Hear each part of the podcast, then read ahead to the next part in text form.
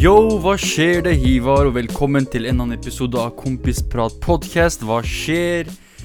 Um, så dette blir en slags uh, Ja, en, en fortsettelse av eh, forrige episode, hvor vi uh, går over til å snakke om uh, rasisme i Norge.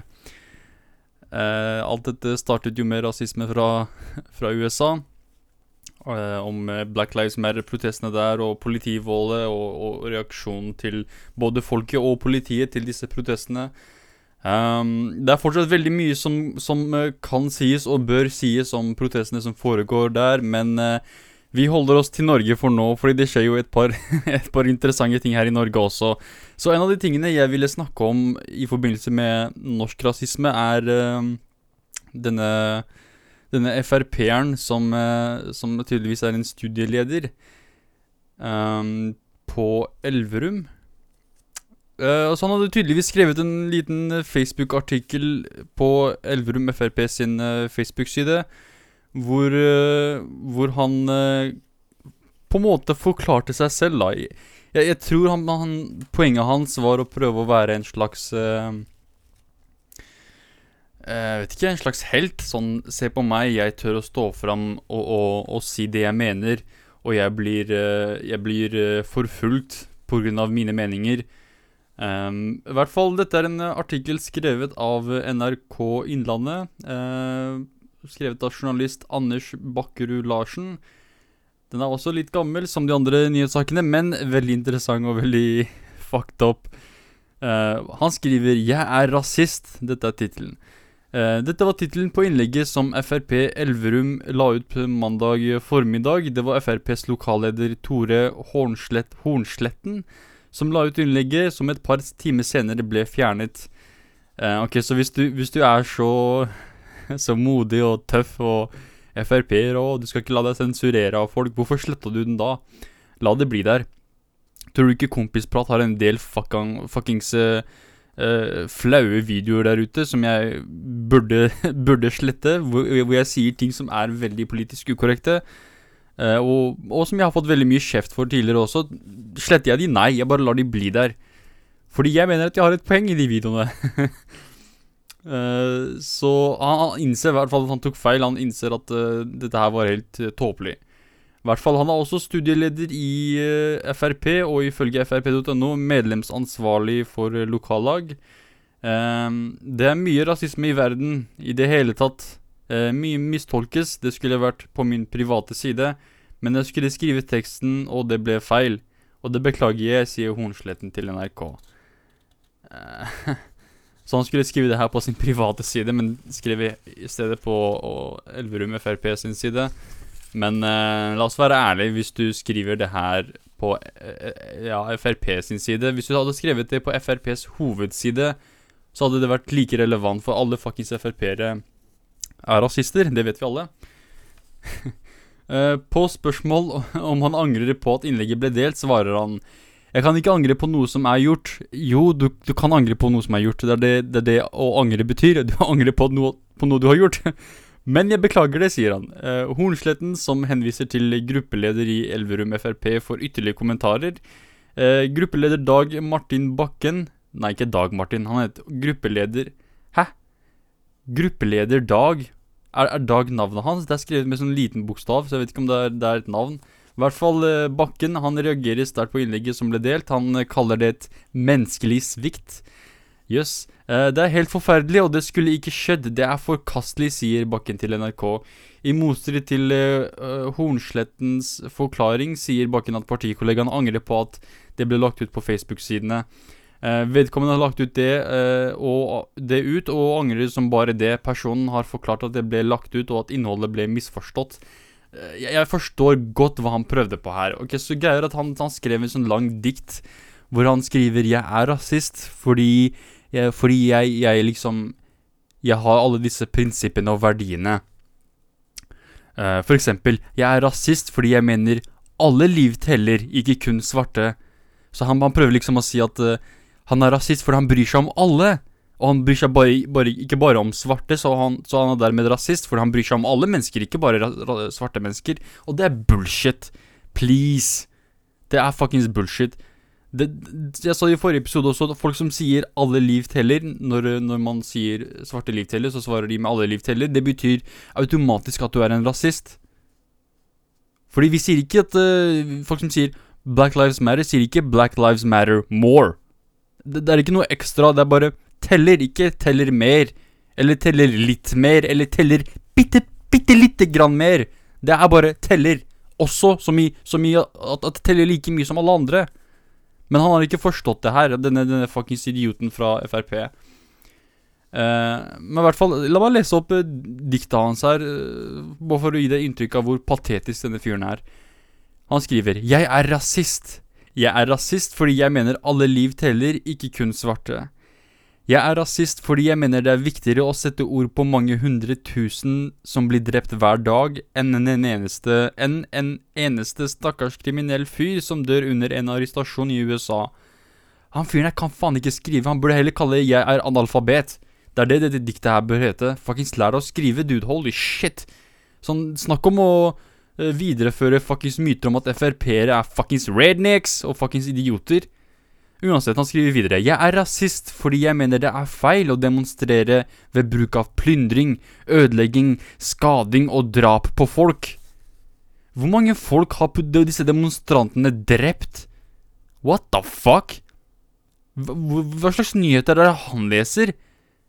At fuckings demonstranter har brukt plyndring, ødelegging, skading og drap på folk? Drap, morapuler? Virkelig? The fuck? Hva slags nyheter som fuckings fake news shit, dokument.no, fyre fuckings uh, Human Rights Watch bullshit er det han, han leser, da? Drap? Plyndring, sånn til liten grad, ja, det var litt plyndring. Ødelegging. Det også, det kan du forvente. Folk er fuckings pissed off. Skading. Jeg kan kan ikke huske hvor, altså, hvor, mange politifolk som ble skadet, eller hvor mange sivile folk ble skadet av demonstranter, men jeg kan gi deg en haug av tall en haug av eksempler sorry, på folk som ble skadet av politiet og, og antidemonstranter. Og drap? Drap? Ok, jeg skal gå videre. Fuckings idiot. Drap. Jeg er rasist fordi jeg mener det er feil å angripe politi og sikkerhetsfolk fordi du mener noen få mennesker har gjort en feil. Igjen, liksom, hvor er det du har disse, disse, tingene fra? At folk går rundt og angriper politifolk og sikkerhetsfolk helt tilfeldig bare fordi eh, noen visse andre politifolk i USA er noen rasister? Har vi f.eks. eksempler av det her i, av i Norge? Har, har det her skjedd i Norge, hvor eh, norsk politi blir angrepet av eh, random dudes fordi politi i USA er fucked up? Det, det gir ikke mening. Og det er, det er, ikke veldig mye faktagrunnlag eh, basert på det, på det, for, det han sier her. Altså. Det, er, det er veldig sånn uh, typisk Frp-isk sånn alternativ fakta, hvor de bare finner opp ting og går med det og later som det er slik det egentlig er. I hvert fall han går videre. Jeg er rasist fordi jeg mener det er feil å sette hele samfunnet i risiko ved å sette til side smittevernsregler for å demonstrere.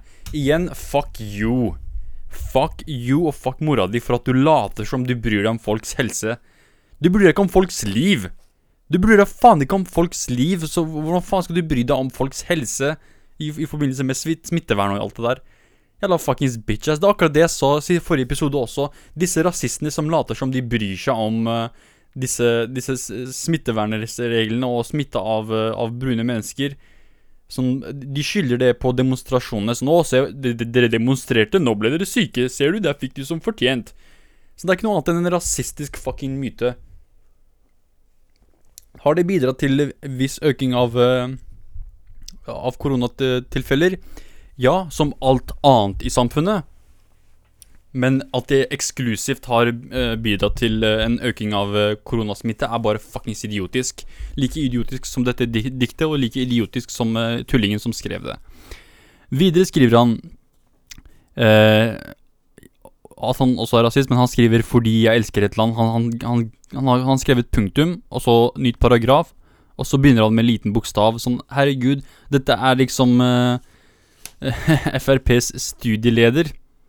Kan faen ikke skrive norsk engang. Kom deg ut av Norge, din jævla fuckings uh, tulling. Lær deg å skrive norsk hvis du først skal skrive. Vet du hvor mange ganger jeg har fått den kommentaren fra rasister? Som hvis du først skal snakke norsk, lær deg å snakke norsk. Hvorfor, kan, ikke de, kan, ikke, de folka si det samme om denne fitten her? Denne morapuleren her som ikke kan skrive ordentlig norsk? Han kan ikke forskjell på små bokstaver og store bokstaver, så fuck han. Eh, I hvert fall, og, og han bare begynner med 'fordi'. Fordi hva? Du, du, må, du, må, fortsette å skrive 'jeg er rasist'. Du kan ikke bare begynne med en trend eh, sånn eh, Og bare droppe det fordi du vil gå rett fram til poeng. Fortsett med stilen du begynte med. Sånn, jeg, jeg begynner å bli norsklærer her. Sånn fucking hell. I hvert fall fordi jeg elsker et land som er bygget på opp på frihet, stolthet og demokrati, sier han. Jeg tror ikke du elsker et land som er bygget på opp på frihet, stolthet og demokrati. Jeg, jeg tror mange av disse Frp-erne er går sterkt imot Norges prinsipper eh, for et fritt demokrati. Eh, jeg tror eh, veldig mange av disse Frp-erne er ufornøyd med situasjonen i Norge fordi de er uenige med norske prinsipper. Og jeg tror mange av disse er uh, straight up landsforrædere. Uh, sånn ideologisk, ikke, ikke, ikke sånn bokstavelig talt, men ideologisk er landsforrædere. Jeg tror ikke de, de, de, de, liker Norge. Jeg tror ikke de liker verdiene vi har her i Norge. Det er mitt problem med Frp. De vil endre Norge til noe helt annet. De vil ha, de vil ha Norge som er fascistisk og USA-lignende. Uh, og det sier jeg nei takk til. Norge, Norge er norsk, ikke, ikke, fuckings amerikansk eller fuckings uh, britisk eller hva faen det er Frp vil prøve å introdu introdusere til det norske systemet. Um, til slutt skriver han Jeg er rasist fordi jeg mener det er viktig å gi alle like goder i vårt land, og ikke gi innvandrere særfordeler foran våre egne pensjonister, uføretrygdede, arbeidsløse og fattige. Uh, dude. Dette er, dette er også noe jeg ikke skjønner. Dette er en holdning som er uh, Som ikke bare rasister holder, men veldig mange nordmenn som jeg har møtt på her i livet, som ikke nødvendigvis er rasister, men kanskje har rasistiske uh, foreldre. Så har de kanskje hørt disse tingene om at uh, innvandrere har særfordeler, eller på, på, på viss måte har det bedre enn andre, andre grupper sårbare nordmenn. Sånn pensjonister og uføretrygde og arbeidsløse og fattige. Og det er, det er så fuckings bullshit. Sånn, hvis, hvis, du bor i en sånn liten by med et mottak, ta en tur innom mottaket. Du kommer ikke til å bli voldtatt. Ta det med ro, slapp av. Sånn, det, det, er mennesker, det er mennesker der. Sånn, ingen kommer til å angripe deg, så slapp av, ok? Bare ta, ta en tur innom mottaket, og så ser du hvordan folk lever der. Så kan du komme tilbake, så kan vi snakke om disse særfordelene disse innvandrerne har. Sånn, du kommer til å bli sjokkert hvordan masse av disse folka her lever, og hvor lite de lever på i forhold til pensjonister, uh, uføretrygdede, arbeidsløse og fattige. Mange av de er uføretrygdede, arbeidsløse og fattige. Men uh, de forstår ikke dette her. De tror virkelig at når utlendinger kommer hit, at vi, at vi blir behandla som fuckings konger. Det er ikke slik det er, kompis. Mange av oss har fuckings det jævlig vanskelig. Vanskeligere enn uh, mange sånn etniske nordmenn som har bodd her hele livet og i flere generasjoner. Pluss vi har mange, mange andre utfordringer enn en bare det. Språket. Vi må lære oss et nytt språk. Vi må tilpasse oss uh, kulturen. Uh, vi må skaffe oss jobb uten å ha et fuckings nettverk uh, basert på hva, hvor onkelen din og fetteren til onkelen din jobber og alt det der. Så det, det, er vanskeligere for utlendinger, men de lever i en slags fantasiverden hvor utlendinger har det så mye lettere her i Norge. Lettere enn pensjonister. Sånn, hvor dum fuckings er du? Han avslutter med 'Jeg er en jævla rasist'. Og det har du helt rett i, fuckings tulling. Du er en jævla rasist. Og du er en rasist. Ja, jeg er glad at han innrømmer det. Han, han innrømmer det straight, ut, uh, straight up her. Jeg, tror, jeg vet at han prøver å liksom eh, Poenget hans er at han egentlig ikke er rasist, men han blir, han blir sett på som en rasist fordi han mener disse tingene her. Men greia er nei, dude. Du er ikke rasist fordi du mener disse tingene her. Du er rasist fordi du er en fuckings rasist. Alle disse tingene her, han, han tror liksom det, det, det, hinter til at han ikke er rasist. At han, han, han, mener det er feil å demonstrere ved bruk av plyndring og ødelegging og skading og drap på folk.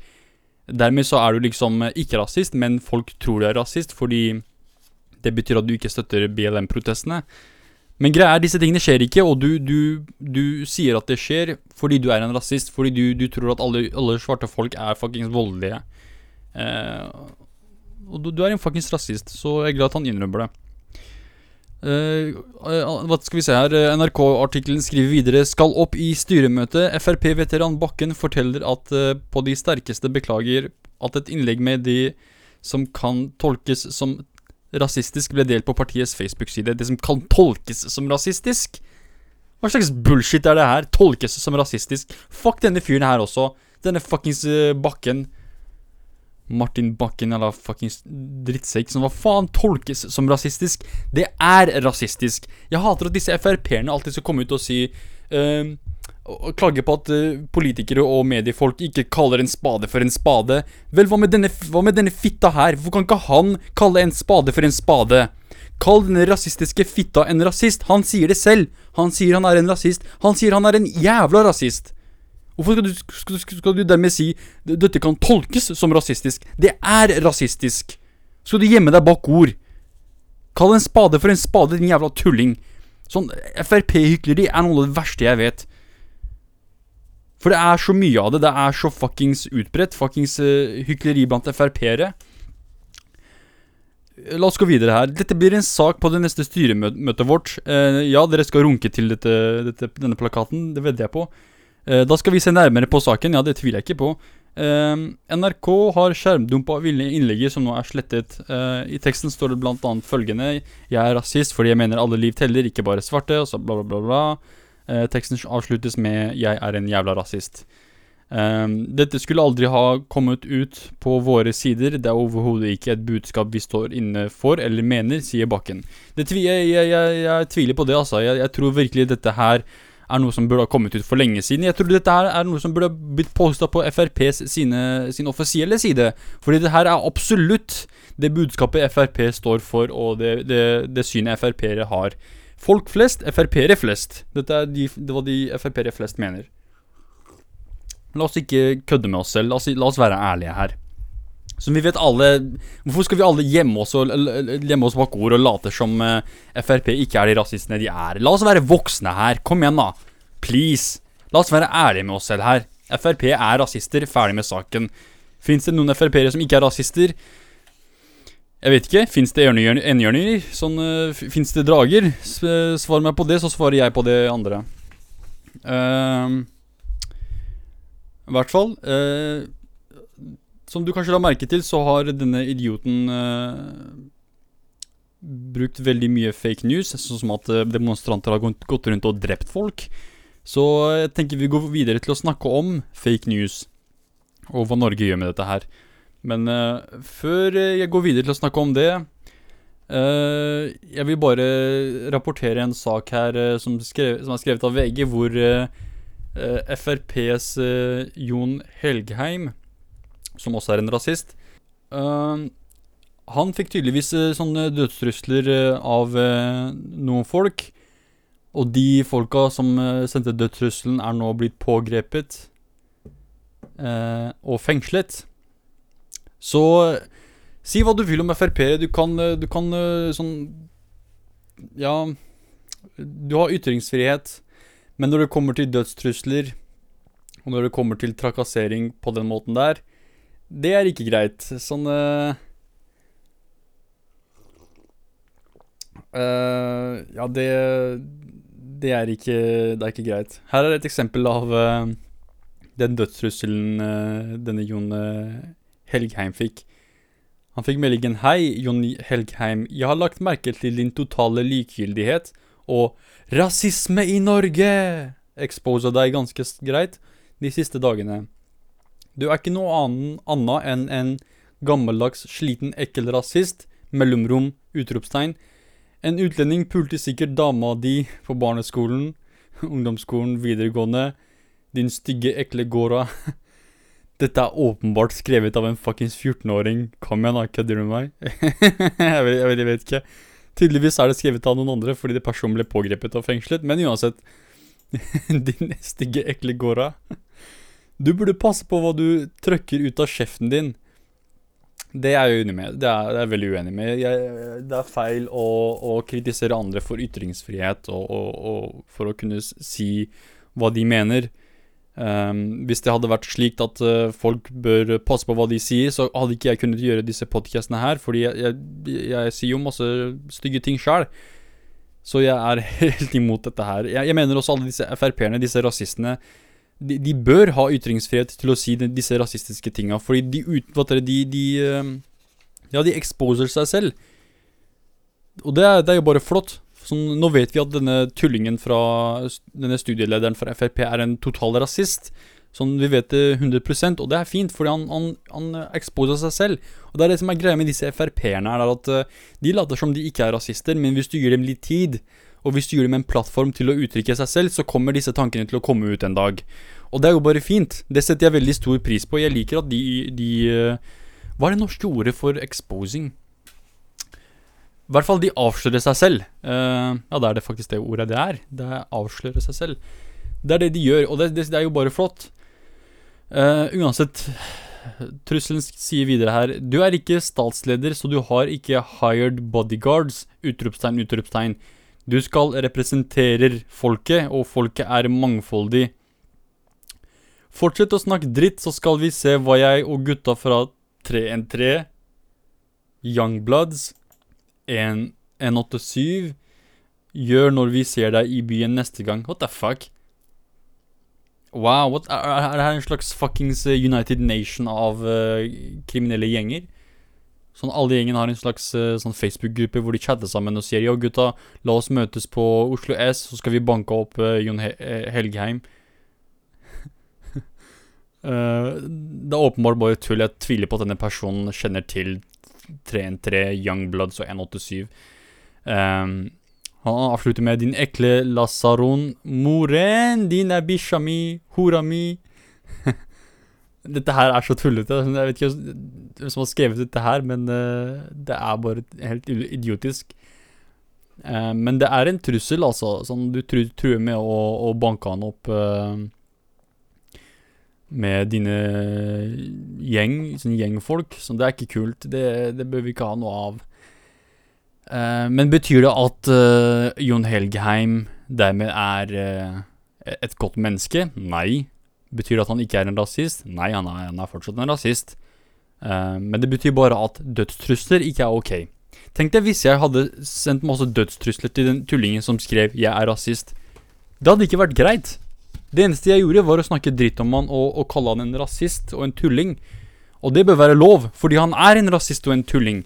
Men hadde jeg truet med å avlive han, det hadde vært noe annet. Det, det, det er eh, Sånt gjør man ikke i Norge, altså. Det, det, er- sånn, sånn, trenger vi ikke her i Norge.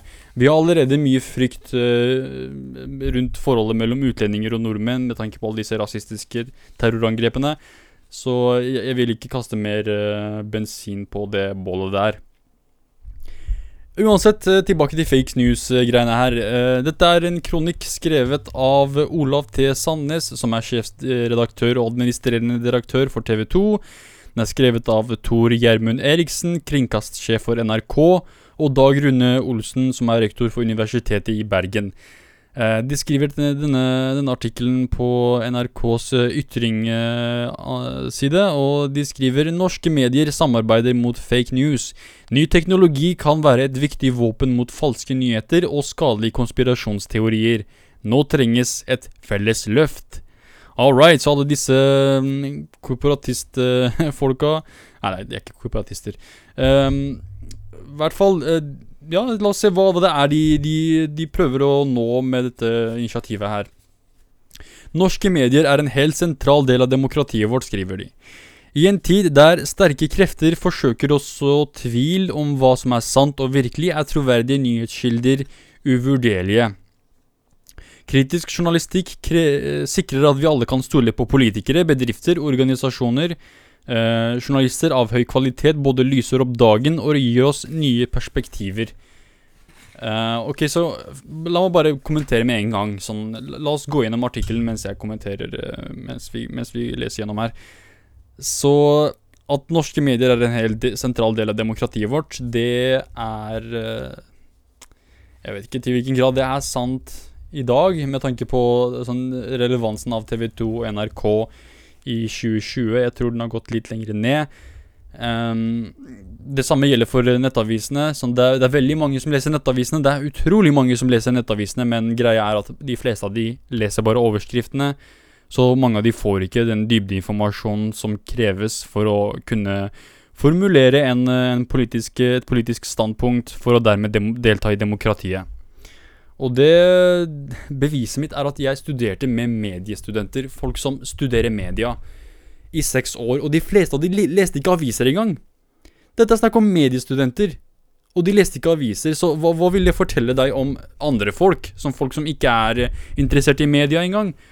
Uh, Men selvfølgelig, det, det fins folk der ute som er interessert i nyheter, som meg. Sånn at jeg i det hele tatt driver denne podkasten som dreier seg om nyheter. Uh, så det er ikke fullstendig uh, uh, uinteresse for nyheter, men det er, det er ikke så det er ikke så viktig del av demokratiet som mediefolk selv skulle, skulle tro. Jeg, jeg vet at mediefolk liker å De liker å heve sin viktighet for demokratiet, hvor viktig de egentlig er, men greia er at jeg tror de fleste i samfunnet ville klart seg fint uten mediene. Uh, og med mediene snakker jeg om uh, TV 2, NRK, Aftenposten og VG, alle disse avisene. Jeg tror de fleste hadde klart seg fint uten de. for man har ting som internett, hvor, hvor, det blir lettere å få informasjon på andre måter. Og ofte er den informasjonen man får på sosiale medier, mer riktig enn det man får på NRK. For eksempel eh, den, den, forrige artikkelen jeg leste om rasisme i USA, hvor de skrev at uh, politifolk i Buffalo ble angrepet, og det var det. Ikke noe mer, ikke noe mer informasjon om den saken. Og pluss det faktum at de fleste artikler nå er liksom én setning. Liksom hvert paragraf er bare på én setning, så det er, ikke, det er ikke veldig mye informasjon du får ut av det. Og avisene nå for tida, liksom, de, de prøver å gjøre seg selv så lette å lese som mulig. Og det krever at man dummer det ned så utrolig mye.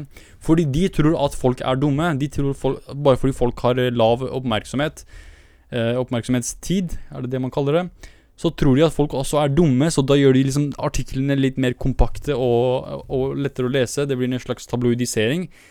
Um, og det bare viderefører denne, denne myten om at uh, folk uh, ikke klarer å lese lange tekster men det kommer av at uh, man har dårlige journalister. Sorry. Det, kom, det er det jeg mener uh, er problem, problemet. At folk, er, folk har uh, dårlige journalister som ikke klarer å skrive på en måte som engasjerer leseren.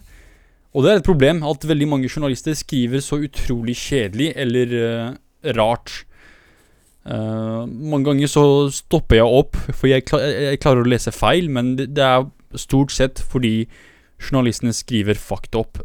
Så det er det jeg mener problemet er når det kommer til sånne ting, at det er veldig udyktige journalister. Folk som ikke vet hva faen de driver med. Uh, så det er én ting. Det, dette her med at eh, mediene hyper seg selv opp i samfunnet. Uh, I en tid der sterke krefter forsøker å så tvil om hva som er sant og virkelig, er troverdige nyhetskilder uvurderlige. Uh, det er jo sant at troverdige kilder er viktig. Det er, det er viktig å ha nyhetskilder som du kan stole på. Men uh, greia er at uh, ingen nyhetskilde er, har rett hele tiden. Det vil alltid være feil. Selv uh, meg og mitt forhold til NRK NRK er jo den, den, den nyhetskilden jeg stoler mest på. og det kommer av mange forskjellige grunner, men det betyr dermed ikke at jeg stoler 100% på NRK. Det gjør jeg ikke.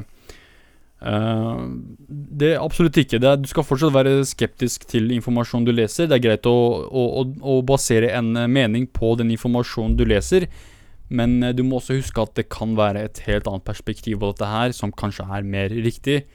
Um, fordi det er, det er, mye som skjer her i verden, så du kan ikke passe alt inn i en liten artikkel. Så det journalisten har valgt å skrive om, det er det du får vite om situasjonen.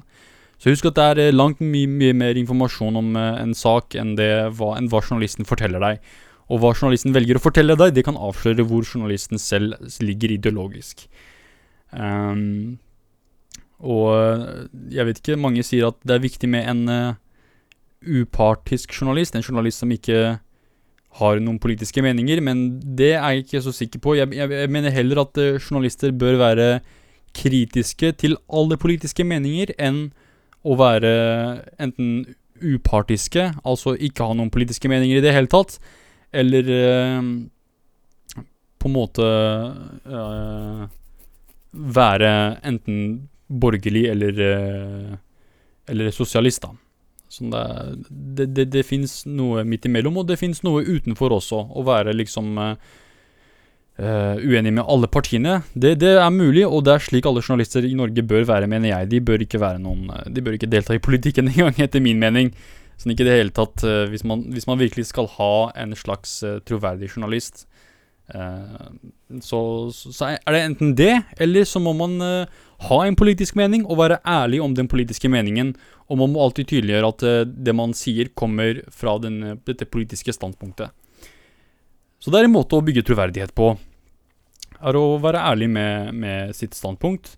Um, og ja, det er jeg enig med om at det er, vikt, det er, viktig å ha troverdige nyhetskilder, for ellers så vet vi jo ikke hva som er sant og hva som er tull. Um, de skriver kritisk journalistikk sikrer at vi alle kan stole på politikere. Jeg vet ikke om det er, det er så smart å stole på politikere. Um, er, det, er det viktig for et demokrati at folket stoler på politikerne sine? Jeg tror det er viktig for et demokrati å stole på at politikerne vil gjøre sin jobb, men, men, men jeg vet ikke til hvilken grad dette betyr at uh, politikerne dermed er til å stole på. Um, for mange av disse folka er jo, de er jo politikere av egeninteresse, fordi de vil ha makt, og de, vil, de, liker, å være de liker å involvere seg med, med kjendiser og populære folk, og de liker uh, denne livsstilen som kommer med å være en eh, toppolitiker. Um, men fins det folk der ute som er politikere fordi de vil uh, gjøre uh, Norge til et bedre sted? Helt sikkert. Men uh, basert på det jeg har opplevd fra min barndom til nå, sånne folk som alltid har hatt ambisjoner om å bli politikere, er at mange av disse folka er sleazy, slimy og creepy folk, altså. Det er, det er ikke folk jeg liker å henge med.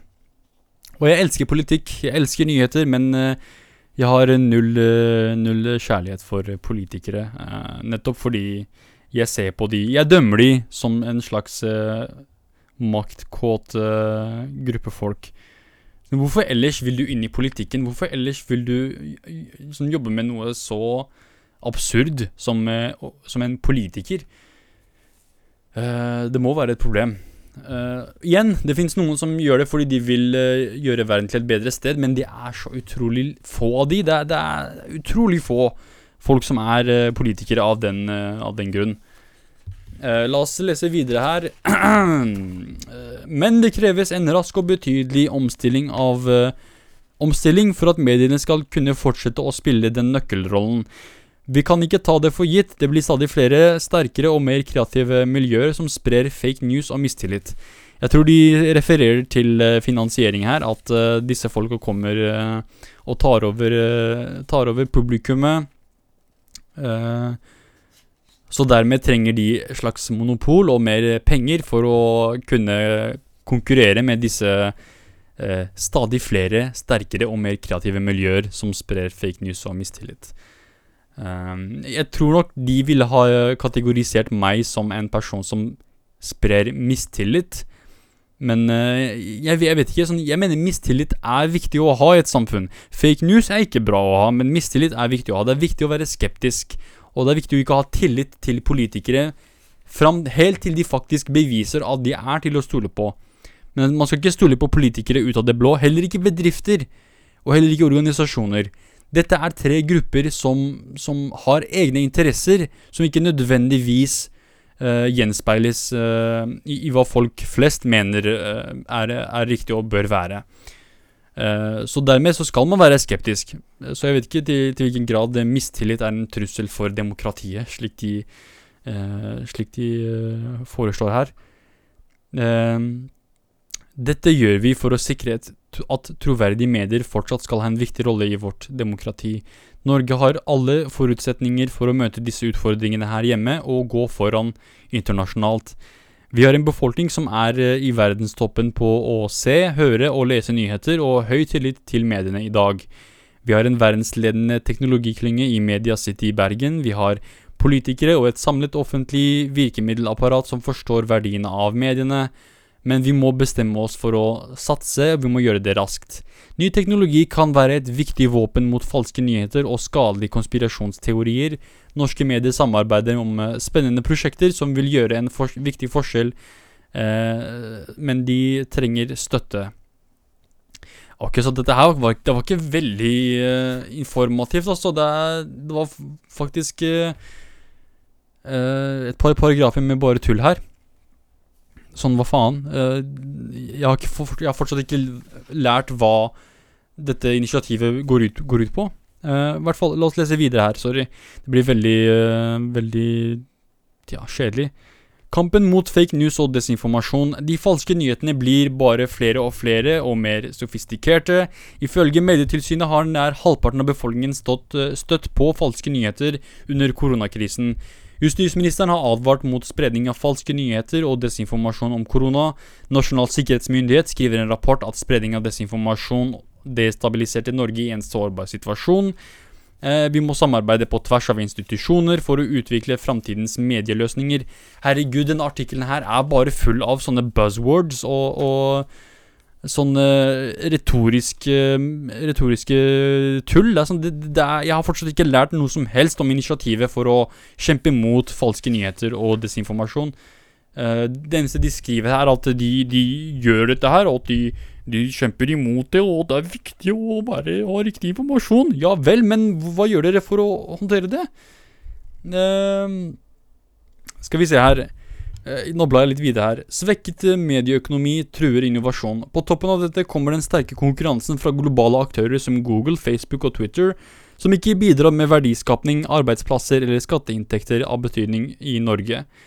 Eh, norske medier har tatt dette på alvor og har allerede tatt omfattende grep gjennom flere år for å tilpasse virksomheten til den nye digitale mediehverdagen, men dette er store og komplekse utfordringer som ingen enkelt aktør er i stand til å løse alene.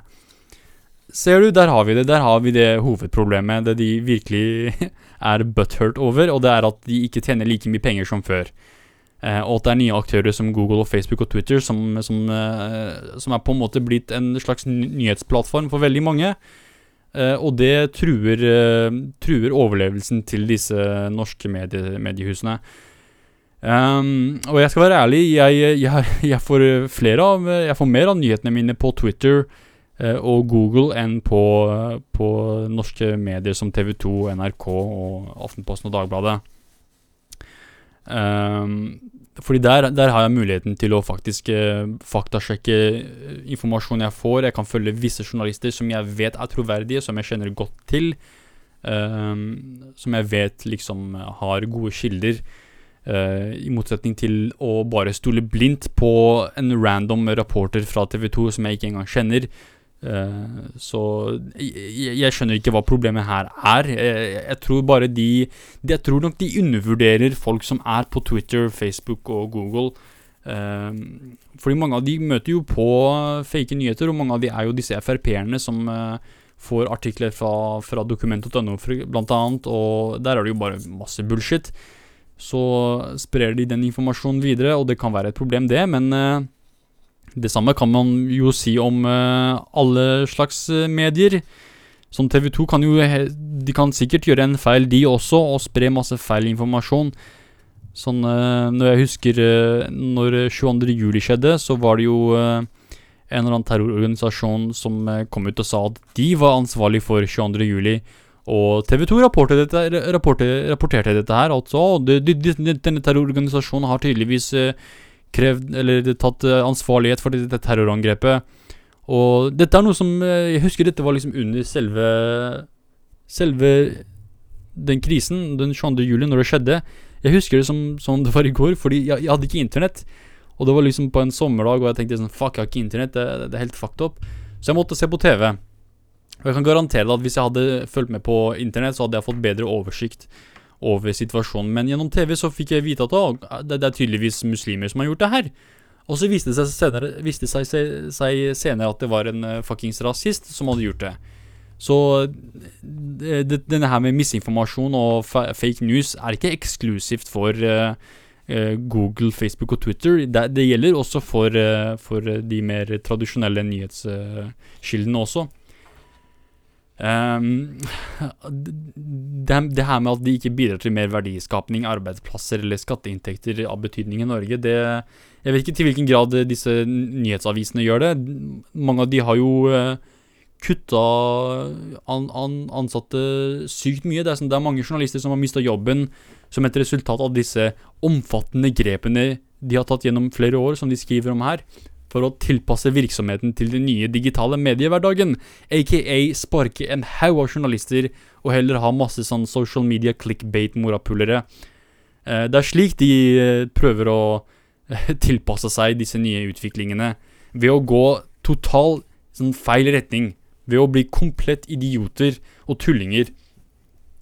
Så det beste, det beste norske mediene kunne ha gjort, er å fortsette med den, eh, den klassiske type nyhetsformidling hvor det er eh, dybdejournalistikk, hvor det er uh, masse penger som går til uh, rapportering og, og uh, interessante nyhetssaker, da, fremfor clickbait bullshit og, og tabloidaktige tabloid artikler.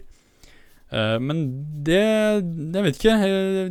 tydeligvis har det virket for dem. Um, men uh, du kan ikke dermed komme og si at uh, du er med på verdiskapning. Sånn, det er du ikke. Sorry, ass.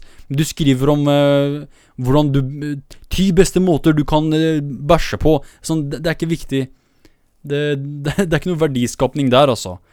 så det er, er, veldig sånn pompøst av disse, disse folka her. Liksom, å hype seg selv opp som Å, vi er, vi er så viktige for demokratiet! Hvordan skal folk vite hvordan de skal bæsje uten oss? Sånn, herregud. Ro ned bollene litt, liksom. Uh, I den nye nasjonale klyngen Media City i Bergen har en rekke aktører gått sammen om å øke innovasjonskraften, skriver de.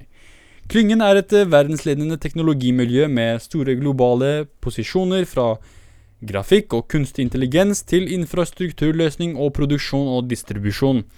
Samarbeidet strekker seg utover landsgrensene og omfatter store globale tungvektere som IBM, Eh, knapt noen steder i verden kan man konsumere medieinnhold uten å være i berøring med teknologi og løsninger fra medieklyngen i Bergen. Um, de skriver videre Media City i Bergen satser videre. Med Universitetet i Bergen på spissen søker nå klyngen om SFI-status, Senter for forskningsdrevet innovasjon, til et senter for ansvarlig uh, medieteknologi. Uh, senteret vil få navnet Media Futures fordi det endte opp uh, de, fordi det er nettopp de store utfordringene som bransjen står overfor i fremtiden, som eh, senteret skal søke å løse. Senteret vil samle og øke den nasjonale kompetansen i kampen mot falske nyheter og konspirasjonsteorier nasjonalt og globalt, og samtidig bidra til verdiskapning i Norge. Eh, hva faen betyr dette her? Verdiskapning? Sånn eh, For et fuckings fantasiord! Som alle disse fuckings uh, elitemorapulerne har kommet opp med bare for å legitimere sin stilling. Sånn eh, Ja, vi driver med verdiskapning, derfor er vi bedre enn eh, Google og Facebook. Fuck er her verdiskapning. Um, vi må bestemme oss for å satse, og vi må gjøre det raskt. Alternativet til å satse på norsk teknologi er å la internasjonale giganter få fritt spillerom. Uh, heller det. Sorry, men heller det. Uh, vi kan heller regulere disse aktørene fremfor å investere masse penger i en industri som kommer til å dø ut uansett. Sånn, hvis det er noe dette, denne økningen av denne økende kraftmakten til Facebook, Google og Twitter har bevist, er at tradisjonelle medier kommer ikke til å overleve fremtiden. Så la oss bare bli ferdig med det. Hvorfor skal vi la, la, la monstre blø ut når vi bare kan drepe det med en gang? Det er det, det, er det, det, er mitt syn er for norske medier. Bare kutt av huet, sånn, bli ferdig med det. Uh, og heller introdusere reguleringer og metoder for kontrollering av disse, disse gigantene som Facebook og Twitter og, og, Google. For det er veldig lite regulering på uh, hva, hvordan de kan håndtere seg selv her i Norge. Heller det. Og det, det, det, vil være Det vil koste mindre. Og det vil også introdusere muligheten for å skatte disse mediegigantene. Fordi det blir det det, er det ikke noe av akkurat nå. Så det skal være mulig å tjene mer penger på disse For, for, for samfunnet flest, da, som for skatt og alt det der. Jeg tror nok det er mer penger å tjene på disse mediegigantene enn f.eks. TV2, NRK og, og og disse eh, nettavisene. Uh, vi mener at etablering av et forskningssenter for fremtidens journalistikk, medieproduksjon og formidling er svært viktig for vårt samfunn, kultur- og medieindustri og forskningsmiljøer. Eh, herregud, men det fins jo Dette her fins jo på ethvert universitet som studerer medier. Så hvorfor skal du bare finne opp et nytt institutt som eh, Eller et norsk, nytt forskningssenter som har det formålet, når det allerede er eh, forskning som foregår rundt dette her? Hver dag! Jeg tror det her bare er enda et sånn, en scheme for å tjene penger for disse folka her. Det er det mye, mye Jeg merker at mye av eh, det som skjer i samfunnet, er bare en scheme for en eller annen gruppe mennesker for å tjene penger. Uh, og jeg sier God bless. Sånn, ja, du trenger penger. Fint for deg. Men uh, ikke gjem deg bak uh, sånne noble causes. Sånn 'Å, jeg vil folks beste. Jeg vil redde demokratiet.' Så gi meg masse penger, sånn at jeg kan gjøre det. Hvis du virkelig er seriøs, bruk dine penger. Alle disse folka her er jo direktør og rike folk. Kan ikke dere investere i det? Kan ikke dere, Har ikke dere masse penger å bruke på dette her? Helt sikkert. Hvor skal norske skattebetalere betale for uh, medieforskningen deres? Forsk selv. Gjør det gratis. Hvis du virkelig bryr deg om demokratiet, gjør det gratis. Trenger du virkelig alle disse ressursene? Trenger du virkelig en, uh, en mild lønn for å, for å, drive forskning? Jeg klarte det. På fuckings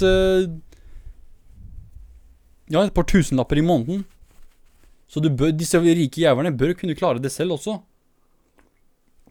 Sorry, altså, jeg vil, jeg vil, bare, jeg vil bare ikke at skattepengene mine skal gå til et sånn, sånt idiotisk prosjekt som å håndtere fake news og konspirasjonsteorier. La det være sånn Det kommer alltid til å være det, slike ting i samfunnet. Og det er ikke et så stort problem som de, de prøver å få det til å virke som det er. Det vil alltid være idioter som tror idiotiske ting her i samfunnet, men uh, ja, jeg vet ikke, altså. Jeg, jeg tror de, de, du overdriver uh, trusselen uh, konspirasjonsteorier har for samfunnet, og fake news. Det er bare en idiotisk sånn overdrivelse, ass. Det, det, er det jeg vil si.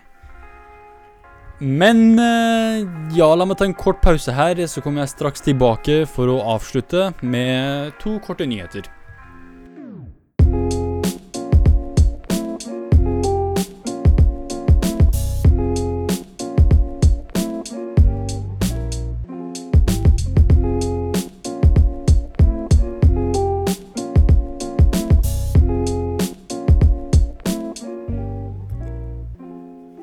Yes, da er jeg tilbake. Uh, skal vi se her uh, Jo, jeg skulle gå over til å snakke om uh, dette her med hårtap. Så dette her er en nyhetssak rettet mot menn, selvfølgelig. Men ja, apropos disse nyhetsfolka de, de, de, som jeg diskuterte før pausen, de som mener at vi trenger finansiering av disse forskningssentrene for å ha viktige nyhetssaker. Viktige nyhetssaker som dette her, som, eh, som artikler om uh, fors som forskning på hårtap. Akkurat det vi trenger her i samfunnet. Men det er, det er viktig Det er litt interessant artikkel, det her også, uansett. Eh, dette er en artikkel skrevet av Julie Haugen Egge for NRK igjen. Hun skriver forskere med gjennombrudd kan ha funnet en løsning mot hårtap. Oppdagelsen skal bety helt nye behandlingsmetoder for brannskade, de med hudsykdom og de som er ufrivillig skallet. ufrivillig skallet um, Det fins folk som er frivillig skallet, men uh, de som er ufrivillig skallet, de vil ikke være skallet. I, I en titt i speilet bekrefter at hårfestet som en gang befant seg fremme i pannen, har senket seg noen centimeter bakover. Hos noen starter det sent, hos andre tidlig. Noen mister alt, andre får kun et blankt parti. For mange er det, minst, eh, er det å miste håret en vanskelig prosess, og i lang tid har man forsøkt å finne en løsning. Eh, forresten, dette her gjelder eh, både menn og kvinner, det er ikke bare menn som mister håret. Nå kan forskere ved universitetet i Harvard i USA være nær et gjennombrudd, skriver hun. Eh, ved å dyrke stamceller fra mennesker har de klart å få hår til å gro i huden på hårløse mus. Dette er en viktig studie som gir nytt håp for eh, transplantasjoner av hår, sier Magnar Bjørås til NRK. Han er professor i molekylær biologi ved NTNU. Um, en avansert organ, skriver de. Huden er et av, verden, et av menneskets mest komplekse organ. Det er faktisk sant. Visste du det, eller, uh, folkens? Fuckings huden vår er et organ. Er ikke det fuckings crazy?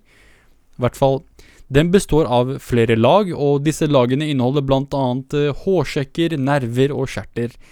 Eh, amerikanske forskere har prøvd å bruke det som heter uh, organoid-teknologi i sin studie.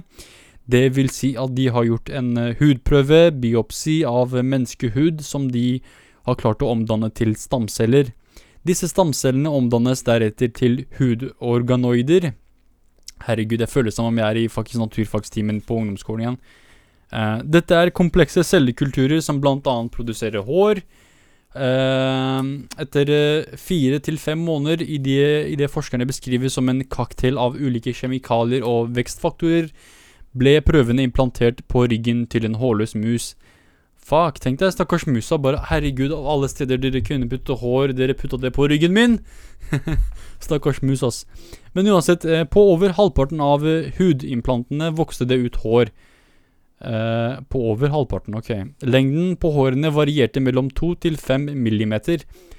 Forskerne på prosjektet, professor Carl Koheler, Kohler, fortalte at det er første gang noen har lyktes i å dyrke fram noe lignende. Ved direkte sammenligning med fosterprøver antydes det at hudprøvene ligner ansiktshuden hos fosteret til i, i, andre trimester, forteller han. Eh, studien er publisert i tidsskriftet Nature, som er veldig, veldig troverdig. Uh, per, per, i dag Per i dag finnes det få vellykkede behandlinger for hårtap. En, mulig, en mulighet er å transplantere egne hårsekker, gjerne fra bakhodet til de områdene hvor man mangler hår. Men eh, tilgangen på levende hårsjekker er ofte begrenset, og behandlingen koster en del penger. Eh, så det er, det er, dette er en kosmetisk operasjon som koster folk veldig mye tid og energi og penger. Så hvis man har en bedre løsning på dette her, så er det veldig mange, veldig mange eh, overfladiske mennesker som kan få mye god nytte ut av det. Og de fleste folk er overfladiske, spesielt menn. Så jeg tror det er veldig mange som vil tjene Eller som, som vil spare masse penger på dette her, altså. Um, de skriver derfor gir denne oppdagelsen håp blant leger og fagfolk rundt i verden, og skallefolk. det, siste la jeg til. Uh, for det er ikke bare ufrivillig hårtap de håper, håper og de kan hjelpe mot. Ifølge forskerne av studien har denne lagt grunnlaget for å etablere en modell med denne kan de utvikle kompliserte hudprøver. Forskerne håper nå å kunne lage prøver med hudsykdommer ut fra den teknologien, slik at de kan teste uh, Hvor faen, jeg falt av helt her, altså. Uh, slik at For å kunne lage Herregud, la meg, ta, meg ta det her på nytt. Forskerne håper nå å kunne lage prøver med hudsykdommer ut fra denne teknologien slik at de kan teste nye medisiner på en effektiv måte. Ok? Det er spennende. Det kan gi nye muligheter for behandling av, av hudskader og sår, eh, sier Magnar Bjørås. Dermatolog dr. Leo Wang, som ikke var en del av studien, tror dette vil føre til store framskritt på området. Eh, til Daily Mail sier han at eh, dette er dette i framtida kan bety at alle som trenger hårtransplantasjon, vil kunne få det. Um, uh, ja, men til, til, slutt, eller til syvende og sist, så tror jeg dette her uh, stort sett er uh, til hjelp for folk som er ufrivillig skallet, som de kaller det. Eller skallet, bare skallet. Tenk å legge til ufrivillighetsdelen. Og, men det er også inter interessant at det kan hjelpe folk, folk som har opplevd brannskader, og, og, folk som har mistet hår av andre grunner. Um, Sånn for eh, kreftpasienter, f.eks. Hadde vært fint om de kunne få håret sitt eh, tilbake kjappere. Um, jeg vet ikke. Det, er, eh, det er, interessant. Det er, det er fascinerende at dette, er, dette er noe forskere har jobbet med. Um, men igjen, jeg, jeg, bare for å avslutte der, denne, denne, saken, jeg tror dette her er noe folk vil spare veldig mye penger på hvis det først blir introdusert. Fordi ja, de, de gamle metodene vi har i dag, er fuckings vanskelige. Og jeg husker for lenge siden så, så hadde jeg en eh, venn som eh, eh, snakket om dette her, om, om, han vurderte å ta hårtransplantasjoner. Og eh, spurte om jeg var villig til å ta det en dag. Jeg har jo ikke mista så mye hår eh, helt ennå, men eh, Og jeg tenkte sånn Vet du hva, jeg venter 20 år til. Jeg venter 20 år til når forskerne har funnet ut av dette her. Sånn som selv denne, dette eksperimentet her, som ser ut til å være vellykket. Jeg vil gi de i hvert fall ti år til før jeg er villig til å bruke metoden. Jeg vil ikke være den første som eh, tar i bruk denne metoden, og så finner man ut at eh, Oi, du, du vokser ut en penis ut av øret, faktisk. Det visste vi ikke. Sånn, eh, jeg vil helst vente til vi vet alt om disse metodene, og vi vet alt om denne medisinen, før jeg selv begynner å bruke det. Og Det er det jeg vil anbefale folk også. Å, å, å ta det med ro, vente, være tålmodig. Det vil alltid komme nye og bedre, bedre metoder for ethvert problem. Eh, Kosmetisk problem. Så vær tålmodig. Skal vi se her. eh, Dette her er en, eh, en kort artikkel skrevet på, på, på det, Dagens Næringsliv. Eh, sorry. Ja, den er, den er skrevet på Den er utgitt av Dagens Næringsliv, men den er skrevet av Norsk Telegrambyrå, så den er veldig kort og gir ikke så mye bra informasjon. Eh, jeg er veldig sånn skeptisk til NTB. Sånn, uh, jeg, jeg, jeg vet ikke, ass. Jeg, har bare dårlig forhold til dem. Men uh, jeg vet ikke. La, la oss i hvert fall se hva de skriver her på Dagens Næringsliv. Hele den franske regjeringen går av Av? går av av. det står 'Hele den franske regjeringen går av av'. Igjen, jeg vil gjerne sende denne artikkelen til de de mediefolka som sa at eh, medier er, liksom, det er viktig for demokratiet. Ja, det er veldig viktig for demokratiet når de ikke engang kan skrive en overskrift riktig. Hele den franske regjeringen går av av. Fra nå skal jeg si det også. Sånn, ei du, kan du, kan du, slå, kan du slå lyset av av? um, ja, uansett. Uh, Frankrikes statsminister Edouard Philippe og resten av regjeringen går av, opplyser kontoret til president Emmanuel Macron. Eh, Philip leverte sin avskjedssøknad til Macron fredag, opplyser Elysie-palasset. Eh, en ny statsminister skal utnevnes i løpet av få timer. Å jøss. Årsaken er at eh, Philippe blir ordfører i byen La Havre etter lokalvalget i tidligere i år, ifølge nyhetsbyrået Reuters. Jøss. Sånn du, du går av som statsminister for å bli uh, en ordfører i en by. La meg google Le, Le Havre. Er det mye havre der? Le Havre Kanskje det er en fin by? Kanskje han Ja, det er en veldig fin by. Sikkert mindre stress også, så bra for, uh, bra for statsminister uh, Philippe. Det har lenge vært ventet at Macron ville gjøre endringer i regjeringen. Hans eh, sentrumsregjering har slitt med synkende oppslutning i lang tid, og han har lovet å gjenskape seg selv etter koronakrisen. Eh, Det er blitt spekulert på om Macron vil forsøke å få en ny regjering som heller mer Som heller Igjen skrevet helt retarded, sorry. Jeg må legge til ord her for å rette på grammatikken til disse folka her. Ok, la meg prøve på nytt her. Det er blitt spekulert på om Macron vil forsøke å få en ny regjering som heller eh, er mer mot det grønn, rødgrønne siden av, den rødgrønne siden av politikken. Som følge av koronautbruddet trenger Frankrike å gjenreise økonomien, samtidig som lokalvalget viste en sterk vekst for de grønne og klimasaken. Eh, Macrons egen sentrumsparti tapte i alle de store byene.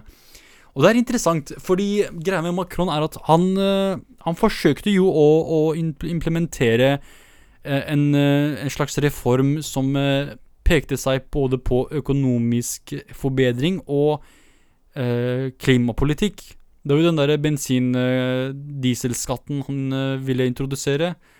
Eh, og det folk, folk hadde stemt på han, og han lovet eh, å, å introdusere reform innenfor økonomi og klima. Og når han først gjorde det, så svarte franskmennene med denne gule vester-bevegelsen, hvor, de- hvor de demonstrerte mot denne reformen, eh, denne, denne hevingen av eh, karbonskatten for eh, diesel, som er, en, eh, som er et eh, primært drivstoff for veldig mange franskmenn. Eh, og det førte til ganske brutale demonstrasjoner og eh, ødeleggelse og hærverk. Så denne Frp-duden som eh, mente at eh, han er rasist fordi han mener det er feil å drive hærverk og alt det der under demonstrasjoner, han burde kanskje se til Frankrike, til Europa, hvor, eh, hvor hvite folk er langt mer eh, destruktive enn eh, Black Lives Matter-demonstranter. Men det hører vi ikke noe om. Det, det vil ikke han eh, rasisten fra Frp eh, kommentere noe om i det hele tatt. Eh, men det er sant, de har vært ganske brutale i Frankrike med disse demonstrasjonene. Det har vært flere slagsmål, det har vært flere brenninger av biler, destruksjon. Um, og det kommer jo av at folk er frustrerte og irriterte, og de, de, krever en bedre løsning på de økonomiske vanskelighetene de opplever. Og mange av disse initiativene til eh, Macron har blitt tolket som veldig elitiske, at de liksom er retta mot de rike i samfunnet eh, framfor de fattige. Det, han introduserte jo også en slags skatt for, eh, for Jeg tror det var eiendomsskatt han introduserte, hvis jeg ikke tar feil. Du, du må gjerne dobbeltsjekke meg på akkurat dette her. Eh, som førte til, til, at de aller rikeste tjente jævlig godt, mens de aller fattigste eh, tok, tok, en, eh, ja, tok litt skade av det, mens de midt imellom eh, også tjente litt på det. Men ikke til den grad de aller rikeste tjente på det. Og det er slik eh, slik Macron blir sett på av franskmennene som protesterer mot han, da, at han på en måte er en elitisk uh, sånn uh, Wall Street-lignende type karakter, at han kun bryr seg om de rike og, og er ute etter å tilfredsstille deres interesser framfor vanlige folk i, i, rurale deler av Frankrike. Um, og det, det, det, har jo vært et problem, fordi som de skriver her, oppslutt, oppslutt, oppsluttstallene hans har jo gått uh, veldig langt ned. Det er jo langt mer støtte blant franskmenn for denne gule vesterbevegelsen enn for uh, Macron som, uh, som leder. Det er veldig brutalt. sånn Tallene for Macron har gått veldig langt ned. så, så dette med å gjenskape seg selv etter koronakrisen var kanskje en et, uh, en god idé på Macron sin side. Det er, kanskje siste håpet for han. Um, I hvert fall uh, NTB-artikkelen skriver at uh, Macron vil kanskje prøve å bli mer rød-grønn, som et resultat av kritikken han har fått for denne veldig senter slash borgerlige regjeringen han har hatt hittil. men jeg tror hovedproblemet her er neoliberalistisk politikk. Uh, det vil ikke føre deg til, til uh, noe godt sted, selv om du er, uh, selv er rød-grønn eller blå-blå eller grønn-blå, hva enn du er. Hvis du frem, fremmer neoliberalistisk politis, det der, så vil ikke, vil ikke gjøre situasjonen bedre. Folk vil fortsatt se på deg som fienden. Um, spesielt når resultatet på politikken din igjen og igjen og igjen er at de rike blir rikere og de fattigere blir fattigere. Uh, eh, NTB skriver videre Philippe har vært Frankrikes statsminister siden mai 2017 og tilhører det borgerlige partiet Republikanerne. Uh, Macron har to år igjen av sin periode og trenger å komme på offensiven både når det gjelder økonomiske spørsmål og klimasaken for å, opp, for å øke oppslutning frem mot neste valg. Allerede før lokalvalget hadde Macron planlagt, å, planlagt en rokering i regjeringen. Um, ja, jeg, jeg, tror det er uh, jeg tror er, situasjonen er blitt veldig håpløs for eh, Macron eh, akkurat nå, slik ting ser ut. Eh, og jeg tror det greier at denne gulle vesterbevegelsen startet nettopp, nettopp pga. Disse, denne, denne skatten han ville introdusere, som ville gi staten mye mer penger, og det ville gjøre det vanskeligere å bruke, bruke fossilt brennstoff også. Fossilt brennstoff? Fossilt drivstoff? Fossil energi? Uansett. Um, så det, det, var liksom av Man kan se at det var gode intensjoner bak disse forslagene, men uh, de funket ikke så bra, så uh, Ikke rart at folk reagerte på den måten, og at det, det, ble slags superdemonstrasjoner over hele, hele Frankrike. Og greier at nå har demonstrasjonene faktisk spredd seg over Europa også. Nå er det ikke jo bare Frankrike man ser disse protestene. Så det er interessant også at uh, dette her er blitt en slags uh, en global uh, eller en europeisk bevegelse framfor en fransk bevegelse. Og det har gått fra å handle om denne skatten til å handle om stort sett all slags misnøye og, og, ufornøydhet, er det et ord, med, med regjeringen. Så folk vil ha folk, folk, kommer til å være mer ja, hvordan kan man si dette her? Det vil være flere ting Macron må ta hensyn til før neste valg, hvis han virkelig skal tilfredsstille disse, disse demonstrasjonene. Uh, og jeg vet ikke til hvilken grad han er forberedt på akkurat dette her. Uh, jeg tror det er her konkurrentene hans vil uh, kanskje gjøre en bedre jobb, eller muligens eh, vinne også. Who knows? Vi får se. Det men det er fortsatt to år igjen av valget. Uh, og der uh, den nye statsministeren uh, vet ikke om har, han har blitt utnevnt helt ennå, så vi får se hvordan folk reagerer. men hvis det er én ting jeg har lært om Midt Midtøsten, er at når det er demonstrasjoner, når folk er ufornøyd med sine ledere, og regjeringer og stater bestemmer seg for å, ok, la oss prøve en annen statsminister, og de putter en annen statsminister det, det, vil alltid være noen som er helt imot denne, denne utnevnelsen, mens noen få er fornøyd med det. Men en ting er klart, og det er at demonstrasjonene ikke vil roe seg ned. Så eh, jeg håper ikke det er det eh, Macron tror, at, eh, at, ved å introdusere en ny statsminister, at, at, demonstrantene vil roe seg ned, for det vil de ikke. Um, det, det, beste Macron kan håpe på, er at han uh, vinner neste valg, eller at uh, partiet hans ikke gjør det så ille uh, ved neste valg. Mer enn det så er det bare naivt. Sånn, eh, du kan ikke forvente at folk blir fornøyde eh, helt ennå. Det, det, det, her er noe som har bygget seg opp i flere tiår, og folk har endelig liksom eh, Folk føler at de endelig nå kan eh, komme ut og klage og demonstrere mot, eh, mot regjeringen. Så det kommer til å vare, altså. Um, yes, det var det. Så tenker jeg det er greit å avslutte der. Um, så det kommer til å komme flere episoder av eh, podkasten ut uh, senere. Uh, jeg skal prøve å få med kompispratekompisene. Mr. X og Mr. T, og alle de andre kule folka. Men inntil da så får du ha det fint. Ha en jævlig fin sommer. Takk for at du hørte på. Dette var Hivar, og nå litt heftig musikk.